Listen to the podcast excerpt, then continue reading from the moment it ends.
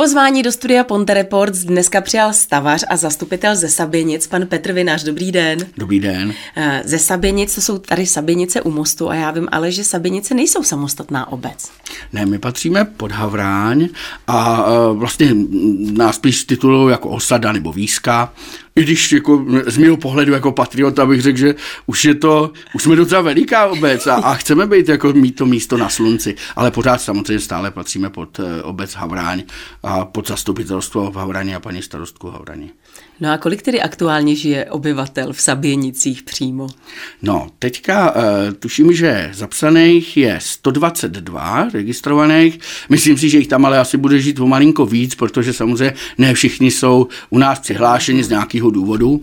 A, uh, ale mám hlavně radost, že vlastně v roce 1995, myslím, uvádí se 91, ale myslím si, že se to do 95 nezměnilo, tak tam bylo 35 obyvatel jenom. No ale já vím, že vy na tom máte lvý podíl, že vy jste se prakticky zasadil o to osídlení eh, těch Sabinic.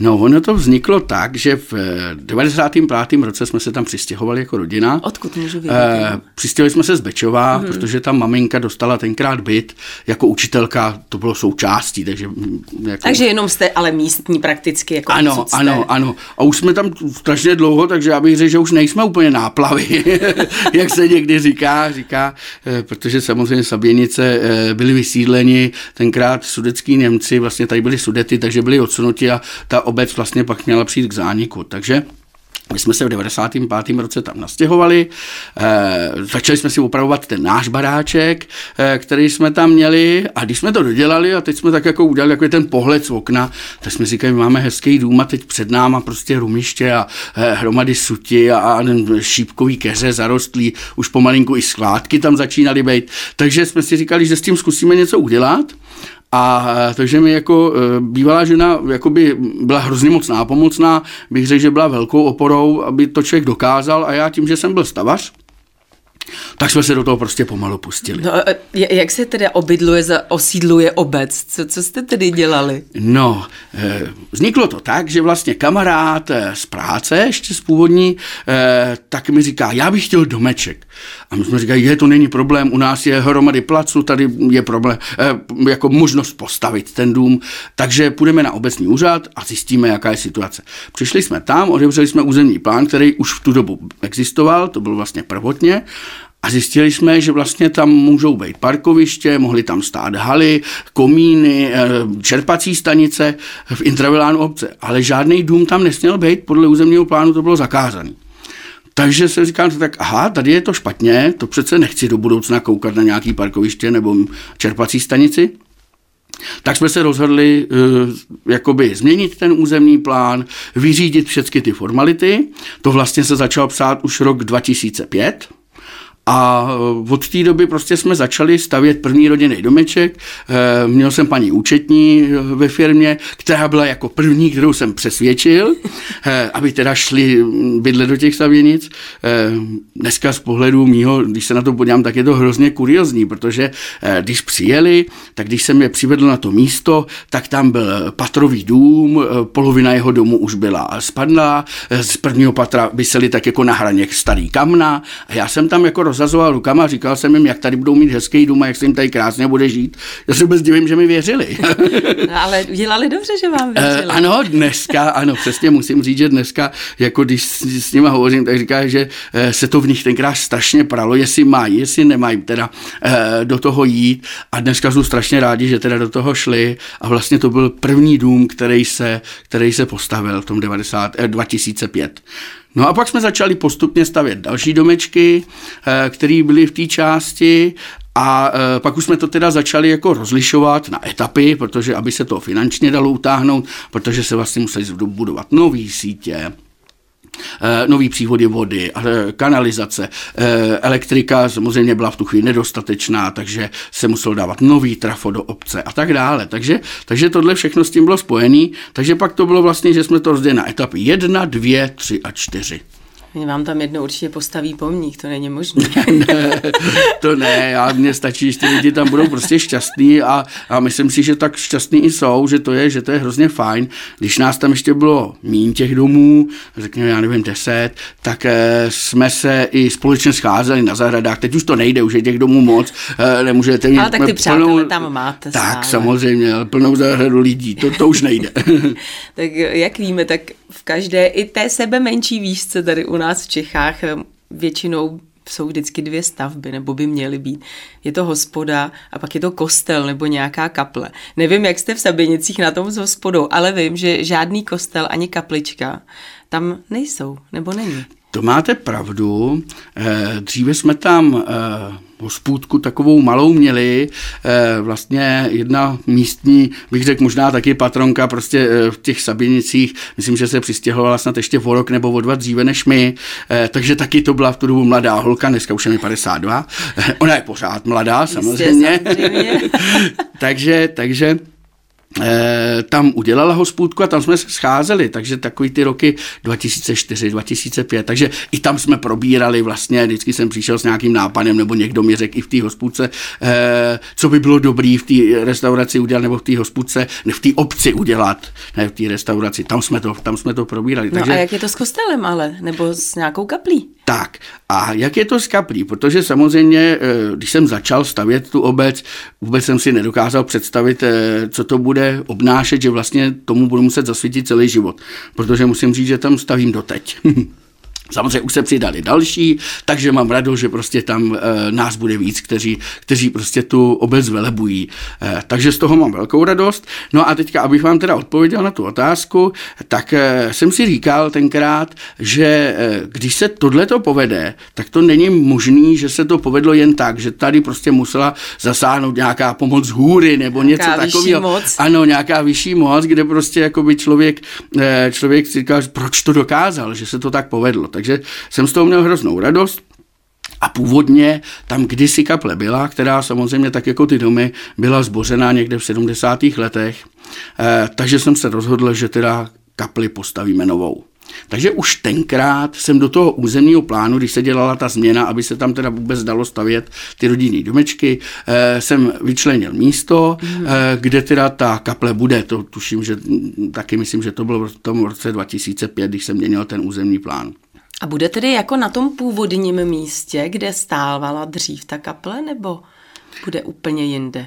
Ta Úplně na tom samém místě nebude, protože když si tam byl rybník a u toho stála ta kaple, to je i vidět nějakých z těch historických fotografií, eh, co se dají dohledat na internetu, a ten rybník už neexistuje, kaple také ne, a dneska máme rybník jakoby, předtím to bylo nad silnicí a teďka je pod silnicí ten rybník. Takže jsme si říkali, že necháme ten eh, rybník vyčistit, to budeme dělat ve spolupráci s obcí Havraň, a nad tím, eh, nad tím rybníkem je mm, takový sice ještě pořád zarostlý a takový různě křivý plác, který by se ale dal využít a tím bychom vlastně i vytvořili eh, ten střed té obce vlastně tou novou kaplí, že by tam byla i nějaká odpočinková zóna, takovéhle věci. No a ohledně vzhledu kaple, tak se budete držet eh, nějakého toho původního vzhledu, jak vypadala dřív, nebo... Ano, původně, eh, jakoby, když jsem měl tu myšlenku postavit kapli, tak samozřejmě jsem si říkal, postavíme kapli tu nejhezčí, aby prostě byla zajímavá, aby se sem lidi na ní chodili koukat. Až pak postupem času a jednání s úřady a e, s panem Vavrochem třeba tady na městě, e, na magistrátu Most, e, jsme se domluvili, že vlastně nejhezčí bude to, když se udělá vlastně ta kaple e, identická nebo hmm. co nejvíce podobná té původní. Takže vlastně nakonec vznikla projektová dokumentace, která odpovídá té skutečné kapli, která tam, která tam byla. To, že se kaple nebo různé kostely, že se rekonstruují, to je jedna věc, ale že se tedy jako postaví úplně nová kaple, to není úplně tak obvyklé. Je pravda, že když jsem se pustil do této myšlenky, že mě ani nenapadlo, jaký to bude mít rozsah, jaký to bude mít ohlas třeba i u lidí, eh, nejen u věřících, ale u těch všech, kteří mají prostě, jak se říká, to srdíčko na pravém místě, tak eh, prostě mi dali obrovskou podporu pro to a tak jsem měl radost a já vždycky mě motivuje to, eh, že když mě někdo pochválí, těší se z toho, co dělám, tak je to takový ten můj motor, který mě nakopne k té další práci. A právě to bylo to, že jsem říkal, tak prostě i když tady ta kaple není, už tady nejsou ani základy, že by se jako obnovila, tak prostě postavíme tu kapli novou, uděláme ji celou a budeme ji mít prostě jakoby k obrazu, nebo bude to taková třešnička na dortu té zachráněné obce, která původně měla přijít k tomu zániku. S kým vším na tom budete spolupracovat? Teď eh, nemyslím samozřejmě spoustu nadšenců, to pochopím, ale myslím, s kým musíte všechno konzultovat, protože ono postavit kapli asi není stejný jako postavit rodinný dům, že jo? To určitě ne. Začalo to vlastně vlastně tím, eh, než se začala kreslit projektová dokumentace, že jsem si tam eh, přivzal člověka, kterému jsem řekl nějakou vizi, nějakou představu a on udělal takovou studii. S touto studií vlastně pak jsem začal obíhat úřady, abych věděl, jestli vlastně vůbec na to získám podporu. Eh, aby třeba mi to nezařízli hnedka v začátcích a tím by se ta kaple teda nemohla konat. Takže ta studie ještě úplně nereflektovala to, jak skutečně vypadá, nebo jak bude vypadat ta kaple, že je to ta skutečnost. Byla to prostě studie. K tomu jsem si potom přizval i pana děkana hmm. Eh, tady eh, z farnosti v Telno, pana Galase, eh, kterýho jsem se zeptal, jaký zákonitosti to má mít, kam má být kaple natočená, jo, aby prostě se pak dala vysvětit, protože samozřejmě se těšíme na to, že bude kaple vysvěcená a že bude zasvěcená svaté Aně, tak jako byla ta původní kaple. Takže to jsme jednali tam, potom jsme vlastně, jsem to musel předložit na zastupitelstvo e, s žádostí, jestli teda o souhlas, jestli vůbec smíme teda postavit. Samozřejmě souhlas jsme dostali, takže to bylo, to bylo hrozně super, to mě, to mě nakoplo e, v takovým způsobem, že jsem teda oslovil paní projektantku, inženýrku Bauerovou, e, která teda také bydlí v Saběnicích a musím říct, že e, tam mi byla celý život nejvíce nápomocná, protože celý život vlastně provází mě při té výstavě to, těch saběnic celých. To znamená, tam by kresla úplně všechny projekty, co tam, co tam ty domy jsou. Takže co na to říkali vaši spolubydlící, tak to víme, to chválili. A co na to pan Galas? Jako eh, děkan. Ten měl radost, eh, samozřejmě měl radost, že to jako přichází od spoda, od lidí, že to není, že by to organizovala nějaká instituce, tak jak je to běžný, ale že prostě se lidi semkli dohromady a, a podpořili tu myšlenku a takže jako Takhle, no takhle z tohohle pohledu. K čemu bude sloužit ta kaple? Bude to opravdu jenom otevřené výjimečně, že tedy bude občas nějaká mše, anebo to bude otevřené, bude to třeba sloužit i k něčemu jinému, k nějakým, nějakým kulturním Eh, záležitostem, nebo jak bude otevřena? My bychom chtěli samozřejmě, aby ta kaple eh, nesloužila jenom věřícím, i když samozřejmě primárně asi eh, je to bude přitahovat nejvíc, ale protože my nemáme žádné jiné místo v Saběnicích, kde by mohly probíhat nějaké kulturní akce, tak bychom si přáli, kdyby tam třeba byl malý komorní koncert, jo, nebo něco takového, co, co s tím může být spjatý, já nevím, třeba určitě Betlem, třeba na Vánoce, Vánoční strom, chceme tam mít smrt, který vždycky každý rok nazdobíme, aby to prostě bylo takový to odpočinkový místo, to místo, kde, kde se můžeme scházet a, tak jako, a těšit se z toho samozřejmě. Jak velká bude ta kaple? Neumím si to úplně dobře představit. Eh, bude eh, na šířku 4 metry, na délku 6 metrů a vysoká 6 metrů 30. Eh, já ale vím, že tady postavení nové kaple není to jediné, co vy taky děláte co se týče tohoto oboru, protože vy jste se pustil i do opravy kostela v Havrani. To jsem nedělal jako sám za sebe nebo, nebo s nadšenci jen tak, ale my jsme založili vlastně združení e, občanů pro Havraň, Sabinice a Moravives. E, to jsme založili vlastně, když jsme šli do voleb v roce 2018 e, a od té doby e, vlastně spolupracujeme spolu e, všichni, co jsme v tom združení e, a tak jsme se rozhodli, že v Havrani vlastně e, chceme pro ten kostel něco udělat. Tak samozřejmě prvotně bylo, e, že jsme se snažili ho vyčistit od náletových dřevin, eh, vevnitř uklidit, eh, samozřejmě zasklít tabulky, eh, protože tam samozřejmě lítali ptáci, holuby, takže tam byl trus. Takže ten kostel se takhle celý uklidil, a udělali jsme vlastně potom vánoční mši pro naše občany. Tak to bylo hrozně krásný, protože se vlastně sešlo víc lidí, než ještě ten kostel dokázal pojmout. Takže jsme viděli, že to je jakoby správným směrem, že jdeme, že to ty lidi chtěli a že, že prostě se jim to líbilo. Je možné, že když třeba projíždím Havraní, je možné, že slyším být hodiny na Havraňském kostele, protože já vím, že tam nikdy nic takového nebylo. Určitě, jako to, to mám rado, že jste to slyšela, protože samozřejmě jsme dělali všecko pro to, aby to bylo slyšet, aby to bylo, aby to bylo takový, prostě pro ty lidi měli radost, že eh, to zvonění k té obci patří. A to vlastně, když jsme udělali v prosinci tu mši a viděli jsme tu obrovskou návštěvnost a ten zájem těch lidí, tak vlastně jsme se domluvili, to probíhal, to bylo zhruba někde eh, únor, březen dalšího roku, že teda opravíme hodiny na věži. A vy jste je opravili nebo jste nechali udělat úplně nové? E, takový ten mechanismus hlavní, to znamená ciferníky, ručičky, e, to převodový ústrojí, který ve věži je, to zůstalo stávající, původní, abych řekl, že to má i historickou hodnotu, že je opravdu ještě z dob, kdy to fungovalo všecko na nějaký ten natahovací mechanismus s obrovskýma závažíma. Takže eh, až na ten mechanismus jsme teda namontovali nový motor, e, novou elektroniku, která je řízená přes satelit nebo přes, přes nějaký e, signál, e, takže ty hodiny jdou naprosto přesně. Oni vlastně se i e, sami přeřizují, když je letní a zimní čas, takže z toho máme hroznou radost a když se nám povedlo teda zprovoznit ty hodiny, eh, tak vlastně jsme se pustili ještě do toho odbíjení, eh, odbíjení eh, těch hodin, protože to byla taková dogma, protože to, že jdou hodiny je krásný, ale nemusí si toho každý všimnout.